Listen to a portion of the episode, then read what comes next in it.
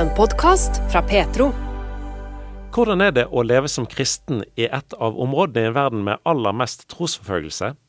Vi skal møte Efraim Pama. Han er 42 år, familiefar og pastor og biskop for flere tusen kristne i Kaduna, hovedstaden i den nordlige delstaten i Nigeria.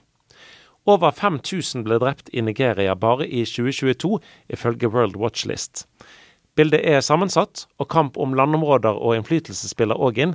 Likevel er det liten tvil om at mange ble drept rett og slett pga. sin tro i dette sharia-styrte området. Efraim Pama forteller at forfølgelse er blitt en del av hverdagen. Persecution to us, uh, particularly Christians in Nigeria or Christians in the northern part of Nigeria, is more or less a day to day event and activity. Is something that we are used to eat. It's something that it has become part of our lives. And it's something that uh, we don't even feel any longer as if we are persecuted because we have taken it in as our day to day activity. The persecution is not just from the perspective of uh, killings and the like, even based on what the government will do to your community as Christian dominated community. Yeah, we have bad roots because we are Christians. You can attend a good school because you are a Christian. You can be offered a good course to read, like maybe medicine and the like. No, they will not give you admission because you have Christian name. And you may not have a good office because you are a Christian. You may even be retrenched from your office because you are a Christian. So the persecution cut across virtually everything we do in our lives. So it's just something that we are living with, and it's just something that is part of us. Graden av motstand eller forfølgelse har økt de siste årene, særlig siden 2015, sier Efraim Pama. Sjøl vokste han opp i et nabolag der kristne og muslimer levde side om side. Ved avslutningen av ramadan ville muslimer invitere nabolaget, inkludert kristne, til festmåltid, og når de kristne feiret jul, ja, så gjorde de det samme og hadde festmåltid sammen med muslimske naboer. Sånn er det ikke nå lenger. Det har i større grad blitt separate kristne og muslimske områder i byen. Et viktig skille kom rundt tusenårsskiftet, da kristne protesterte mot at myndighetene i delstatene innførte sharialover. So when we go out to protest, which I'm part of those that went out for protest, we just go out with our leaves and just saying we don't want Sharia in the state. And then suddenly there was an attack. And that led to a devastating uh, loss of lives and properties in millions of Nigerian naira. And thousands of lives were lost, and Christians were unable to go back to their houses. Yeah, some have to run to the police stations, some have to run to army barracks and police barracks just for safety, and they, are, they lost their houses, they lost a lot of things valuables. So from that time onward, when the crisis subsided, so Christians now most of them decided to move down south. Then that was how the state systematically was split into two. Yeah. So Christians predominantly are in the south, Muslims dominance is in the north. Det politiske styret i delstaten Kaduna er svært muslimsk dominert. Dette har lange tradisjoner, og situasjonen er ikke lett å snu på kort sikt, tror pastor Ephraim.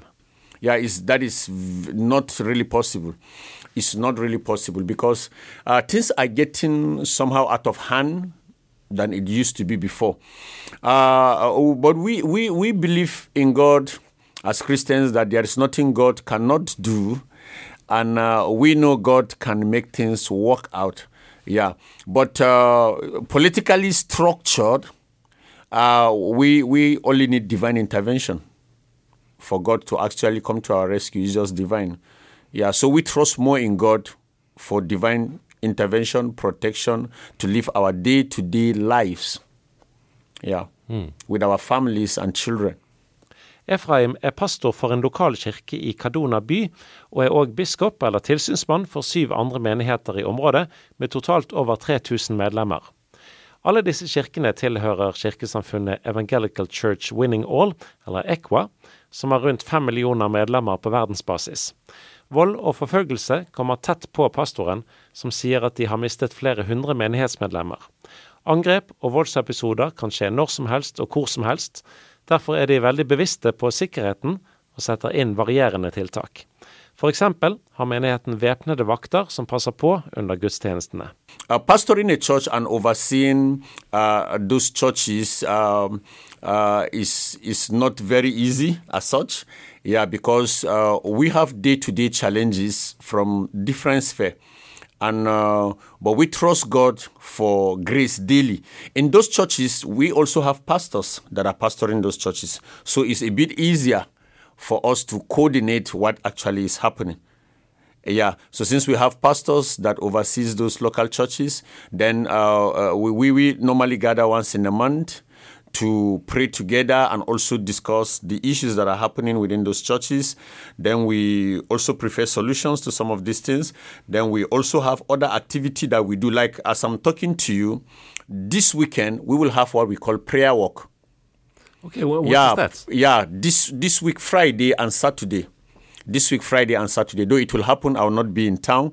But uh, uh, surely I'm already updated on preparations are ongoing for this prayer walk. So we believe that Friday, as early as 6 a.m., we, we are going to be at different gates of our communities to pray. Then uh, by evening, we will go back to our churches also and pray for our community, for the leadership of the church, for also God's protection and safety over us and over our members. Then Saturday, 6 a.m. also, we will also be at our gates. We will pray for 45 minutes. Then we'll all converge at our LCC headquarters. That is the, the we, we have a church that we we tag as the church of the headquarters of the the seven churches. We all meet uh, in, in that very place. Then we will all pray as a community. We will all pray as church members. We will all pray for the nation. We pray for the peace of the state. We also pray for our leaders and also for our members. So we observe different activity within the local church council to enhance the unity and to bring succor to as many as are into one challenge or the other. Yeah. Wh- What does it mean in, in the situation that you've described to us? What does it, mean, does it mean to have this opportunity to gather and to pray? Yeah, it's, it's, it's, it's very interesting because there are a lot of people that want to gather, but they can't gather due to intensity of persecution. So we use every opportunity now that we have, uh, since things are a bit calm uh, from the central aspect of the state. Uh, so we will we, we we don't we maximize such opportunities to to pray to God and to pray that God uh, uh, intervene and take charge. Yeah, so we we make use of the time that we have. Yeah, very judiciously. Wh- wh- What does the faith, the, the, the trust in God mean to you personally in living in, in uh, quite difficult circumstances? yeah, trusting God is uh, that is just the only thing we do. We trust God because our day to day life is in the hands of God. Yeah, when we wake up in the morning, we pray as a family. God, we keep our lives or we place our lives in your hands because you can come out this morning, but you may not return. Because you can, anything can happen to you at anywhere. Anything can happen to your children at any time. So when our children go to school, we keep ears open to know we have securities in these schools that yeah so that in case of anything you just have to rush pick your child and stuffs like that. So the daily trusting in god is very very essential in our lives, day to day activity. Yeah, everything you do, wherever you are going to, whatever you do, as you lie down to sleep, because they can invade you in the night while sleeping. So, in everything you do, you trust God. That God will trust in you. And God has been sustaining us, has been keeping us. Though some are falling, yeah, by the wayside. Yeah, some misfortunes comes, but we still trust God that He will keep us. So God knows when we are going to live, how long we are going to live. So we leave everything to Him. Uh, I read an int- interview with you in, in the newspaper Dagen, a Norwegian Christian newspaper, uh, and you were saying that that uh, preaching hope is important to you. Sure, of course. Yeah, we preach things like hope. We preach things like trusting in God. We preach uh, uh, in an aspect that we, we need to look more to God in terms of expecting His second coming. Like in ECWA, uh, this year's theme for the entire ECWA uh, is um, um, occupy till I come.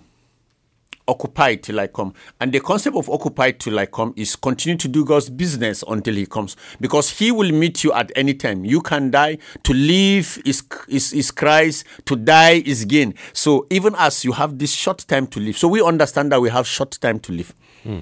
Yeah. Our life expectancy in Nigeria is very short. Particularly we in the north. We we, we know that yeah, anything can come up at any time yeah, even our children, even our wives. So we need to occupy till he comes. Last year theme was Behold, he's coming with the cloud. So it was a very great hope for us that yeah, Jesus is coming one day. So then this year, occupy. Since he has not returned, then you occupy. Then uh, our next year theme is though he tarries in the book of Habakkuk it will still happen. So we know some of these things may not happen immediately the way we are expecting it, but we know it will come.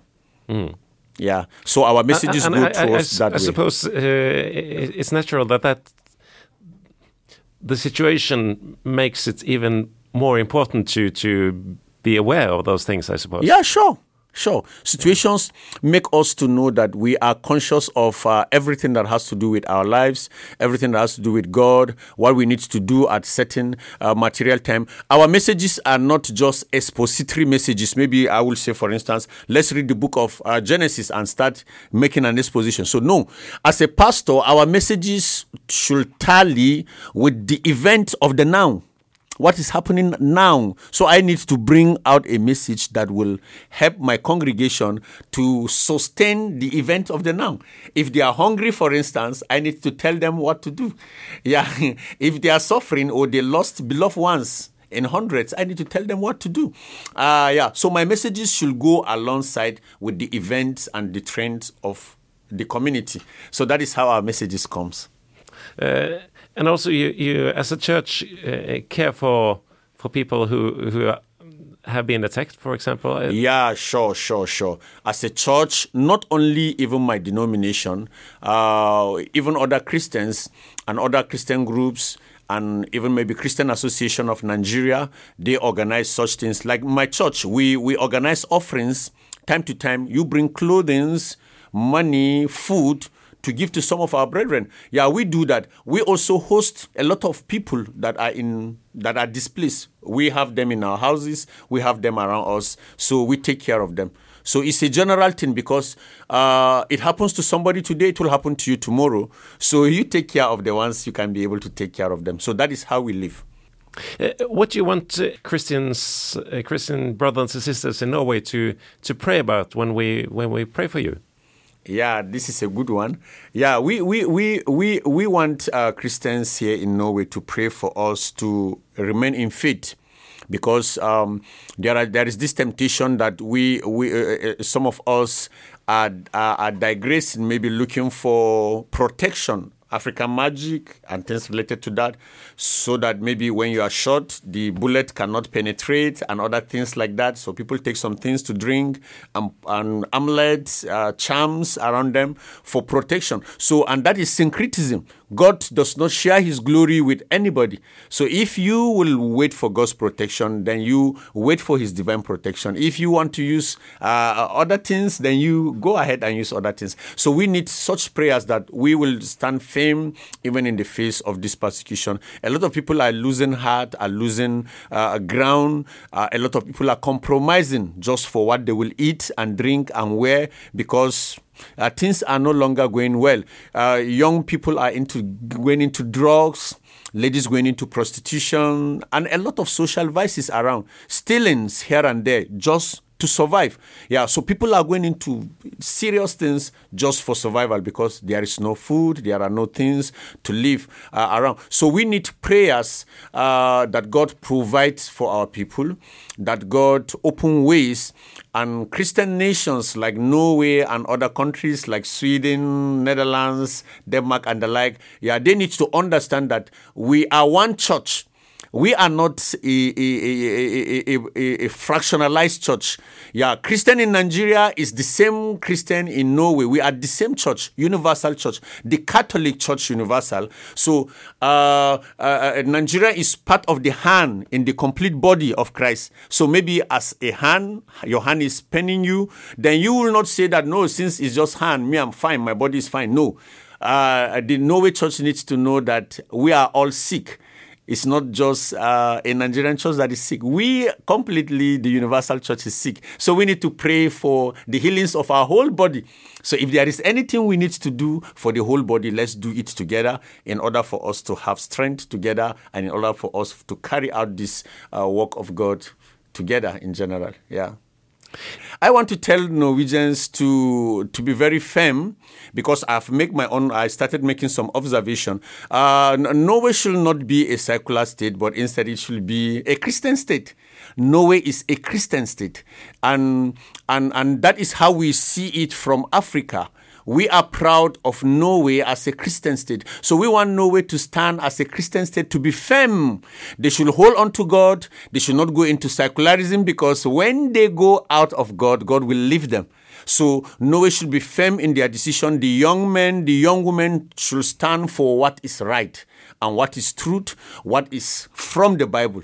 Let them uphold the whole counsel of God. There should be no compromise. There should be no double standard. There should be no issues that will make the nation not to be what it is known for. The constitution of this country should be firm based on Christians' policies and, and doctrine. Yeah, because that is the reason why this country is found, and they should stand to it. So uh, the, the, the, the, policymakers, the leaders in this nation, they should love the Lord because it's only God that can uphold this nation. When you leave God, God will leave you, and that would be very disastrous.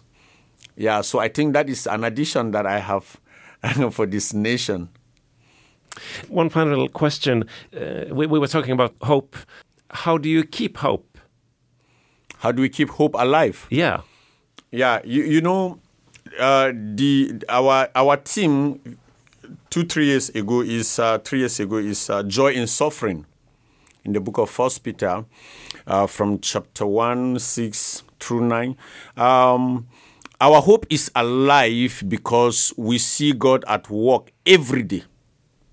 Our hope is alive because we know we don't have any other hope except Jesus. The difference between the hope we have is that we have a hope that can never fail, and that is Jesus.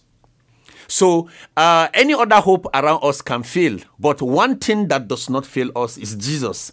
So Jesus keep us alive. He, our hope is in Him. So we don't have wavering faith because we know that our hope and only hope is Jesus, and that Jesus alone is the one that can help us. So that is why we keep our hope daily in Him because we know He is the only one that He can help us. The government has failed us, the community have, have, have failed us, our community leaders have failed us, even church leaders have failed us. Yeah, the whole world has failed us because people are not coming to our aid.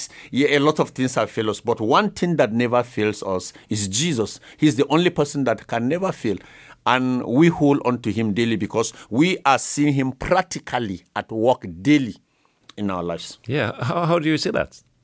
Yeah, I, we see that by his daily provision, his daily protection, his daily sustenance. Yeah, when when when some things come very clumsy as if it will sweep us away, then uh, just miraculously God always intervene. Yeah, so he intervene in our situation at the right time, at the right moment, at times when we need him. Though not at every instance, at times some of these things work, but we still see his hands even in the midst of these challenges and even in the midst of these troubles. That is why today we are not consumed. Yeah, based on the plan of the enemy today, maybe I, somebody like me, I wouldn't be alive today. But because of Jesus, I'm here today. So Jesus has been doing it and he will continue to do it. And the Bible says Jesus is the same yesterday, today, and forever. So, and that is very real in our lives. Du har lyttet til en podkast fra pTro. Har du tips, spørsmål eller kommentarer, kan du sende dem til post at petro.no. Du kan også enkelt kontakte oss gjennom Petro-appen.